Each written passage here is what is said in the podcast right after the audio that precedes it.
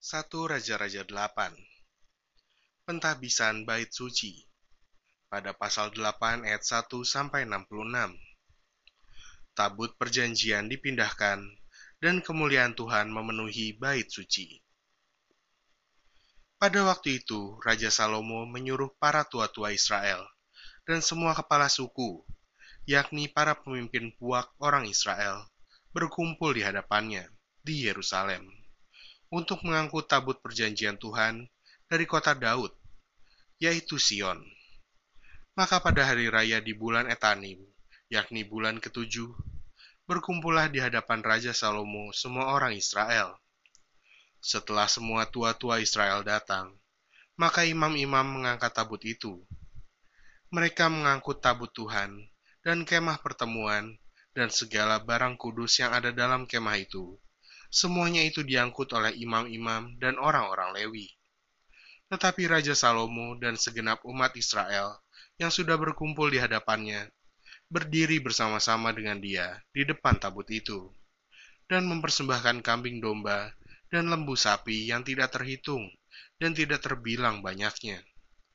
Kemudian imam-imam membawa tabut perjanjian Tuhan itu ke tempatnya, di ruang belakang rumah itu, di tempat maha kudus, tepat di bawah sayap kerup-kerup. Sebab kerup-kerup itu mengembangkan kedua sayapnya di atas tempat tabut itu, sehingga kerup-kerup itu menudungi tabut serta kayu-kayu pengusungnya dari atas. Kayu-kayu pengusung itu demikian panjangnya, sehingga ujungnya kelihatan dari tempat kudus yang di depan ruang belakang itu, tetapi tidak kelihatan dari luar dan di situlah tempatnya sampai hari ini. Dalam tabut itu tidak ada apa-apa selain dari kedua loh batu yang diletakkan Musa ke dalamnya di Gunung Horeb, yakni loh-loh batu bertuliskan perjanjian yang diadakan Tuhan dengan orang Israel pada waktu perjalanan mereka keluar dari tanah Mesir. Ketika imam-imam keluar dari tempat kudus, datanglah awan memenuhi rumah Tuhan sehingga imam-imam tidak tahan berdiri untuk menyelenggarakan kebaktian oleh karena awan itu. Sebab kemuliaan Tuhan memenuhi rumah Tuhan.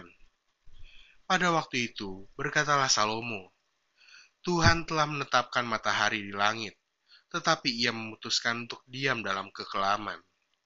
Sekarang, aku telah mendirikan rumah kediaman bagimu, tempat engkau menetap selama-lamanya. Tuhan menepati janjinya kepada Daud. Kemudian berpalinglah raja, lalu memberkati seluruh jemaah Israel. Sedang segenap jemaah Israel berdiri. Ia berkata, Terpujilah Tuhan, Allah Israel, yang telah menyelesaikan dengan tangannya apa yang difirmankannya dengan mulutnya kepada Daud, ayahku, demikian sejak aku membawa umatku Israel keluar dari Mesir. Tidak ada kota yang kupilih di antara segala suku Israel untuk mendirikan rumah di sana sebagai tempat kediaman namaku. Tetapi aku telah memilih Daud untuk berkuasa atas umatku Israel. Lalu raja melanjutkan, Ketika Daud ayahku bermaksud mendirikan rumah untuk nama Tuhan Allah Israel, berfirmanlah Tuhan kepadanya, engkau bermaksud mendirikan rumah untuk namaku, dan maksudmu itu memanglah baik. Hanya, bukanlah engkau yang akan mendirikan rumah itu, melainkan anak kandungmu yang akan lahir kelak. Dialah yang akan mendirikan rumah itu untuk namaku. Jadi Tuhan telah menepati janji yang telah diucapkannya. Aku telah bangkit menggantikan Daud ayahku, dan telah duduk di atas tahta kerajaan Israel, seperti yang difirmankan Tuhan Aku telah mendirikan rumah ini untuk nama Tuhan Allah Israel, dan telah menyediakan di sana tempat untuk tabut, yang memuat perjanjian yang telah diadakan Tuhan dengan nenek moyang kita ketika mereka dibawanya keluar dari tanah Mesir. Doa Salomo Kemudian berdirilah Salomo di depan mesbah Tuhan di hadapan segenap jemaah Israel. Ditadahkannya lah tangannya ke langit, lalu berkata, Ya Tuhan Allah Israel, tidak ada Allah seperti engkau di langit di atas dan di bumi di bawah. Engkau yang memelihara perjanjian dan kasih setia kepada hamba-hambamu, yang dengan segenap hatinya hidup di hadapanmu. Engkau yang tetap berpegang pada janjimu terhadap hambamu Daud, ayahku, dan yang telah menggenapi dengan tanganmu apa yang kau firmankan dengan mulutmu, seperti yang terjadi pada hari ini. Maka sekarang ya Tuhan, Allah Israel, peliharalah apa yang kau janjikan kepada hambamu Daud ayahku, dengan berkata, keturunanmu takkan terputus di hadapanku, dan tetap akan duduk di atas tahta kerajaan Israel. Asal anak-anakmu tetap hidup di hadapanku, sama seperti engkau hidup di hadapanku. Maka sekarang ya Allah Israel, biarlah kiranya menjadi nyata keteguhan janji yang telah kau ucapkan kepada hambamu Daud, ayahku. Tetapi benarkah Allah hendak diam di atas bumi? Sesungguhnya langit, bahkan langit yang mengatasi segala langit pun, tidak dapat memuat engkau. Terlebih lagi rumah yang kudirikan ini. Maka berpalinglah kepada doa dan permohonan hambamu ini, ya Tuhan Allahku dengarkanlah seruan dan doa yang hambamu panjatkan di hadapanmu pada hari ini. Kiranya matamu terbuka terhadap rumah ini siang dan malam, terhadap tempat yang kau katakan, namaku akan tinggal di sana. Dengarkanlah doa yang hambamu panjatkan di tempat ini, dan dengarkanlah permohonan hambamu dan umatmu Israel yang mereka panjatkan di tempat ini bahwa engkau juga yang mendengarnya di tempat kediamanmu di sorga. Dan apabila engkau mendengarnya, maka engkau akan mengampuni.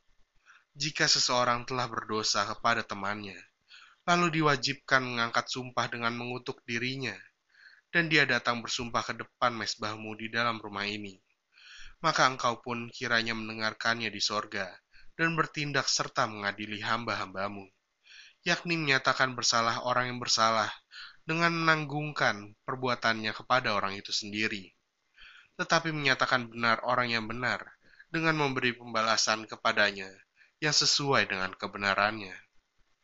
Apabila umatmu Israel terpukul kalah oleh musuhnya karena mereka berdosa kepadamu, kemudian mereka berbalik kepadamu dan mengakui namamu, dan mereka berdoa dan memohon kepadamu di rumah ini, maka engkau pun kiranya mendengarkannya di sorga dan mengampuni dosa umatmu Israel, dan mengembalikan mereka ke tanah yang telah kau berikan kepada nenek moyang mereka. Apabila langit tertutup, sehingga tidak ada hujan, sebab mereka berdosa kepadamu, lalu mereka berdoa di tempat ini, dan mengakui namamu, dan mereka berbalik dari dosanya, sebab engkau telah menindas mereka, maka engkau pun kiranya mendengarkannya di sorga, dan mengampuni dosa hamba-hambamu, umatmu Israel karena engkaulah yang menunjukkan kepada mereka jalan yang baik, yang harus mereka ikuti. Dan engkau kiranya memberikan hujan kepada tanahmu, yang telah kau berikan kepada umatmu menjadi milik pusaka. Apabila di negeri ini ada kelaparan, apabila ada penyakit sampar, hama, dan penyakit gandum, belalang atau belalang pelahap, apabila musuh menyesakan mereka di salah satu kota mereka, apabila ada tulah atau penyakit apa pun. Lalu seseorang atau segenap umatmu Israel ini memanjatkan doa dan permohonan di rumah ini dengan menadahkan tangannya, karena mereka masing-masing mengenal apa yang merisaukan hatinya sendiri.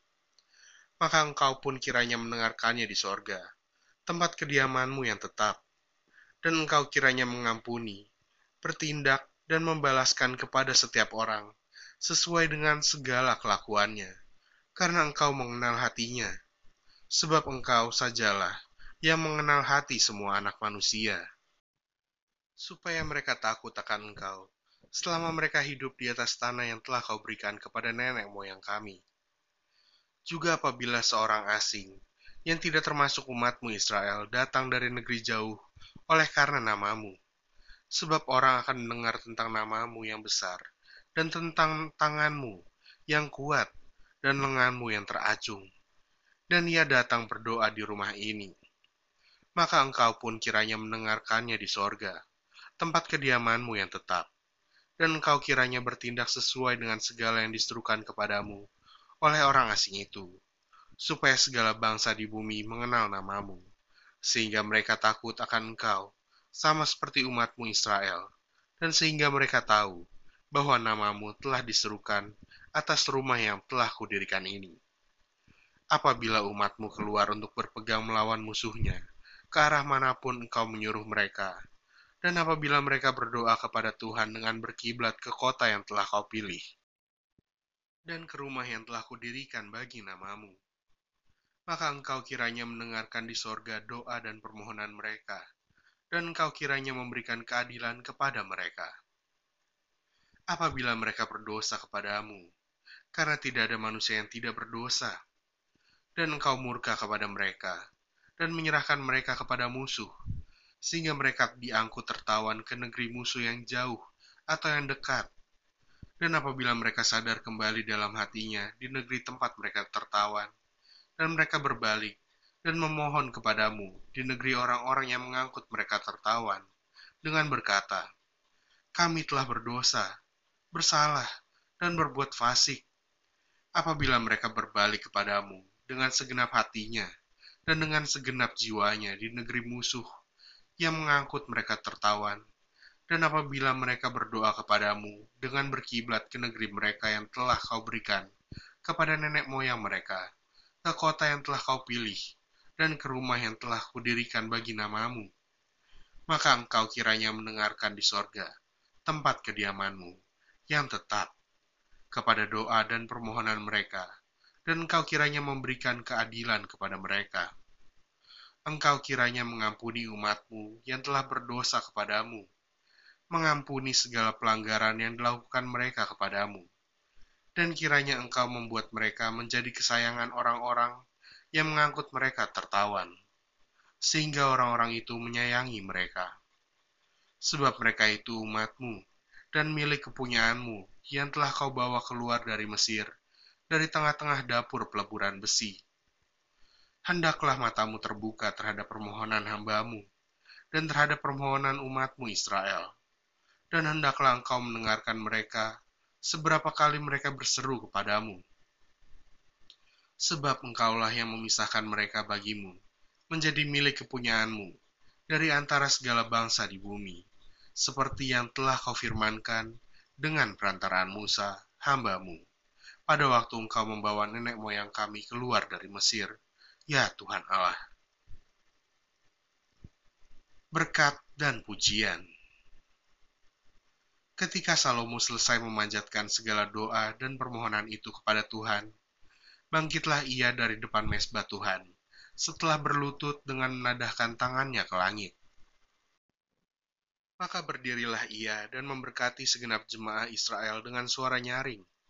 Katanya, Terpujilah Tuhan yang memberikan tempat perhentian kepada umatnya Israel, tepat seperti yang difirmankannya, dari segala yang baik, yang telah dijanjikannya dengan perantaraan Musa, hambanya.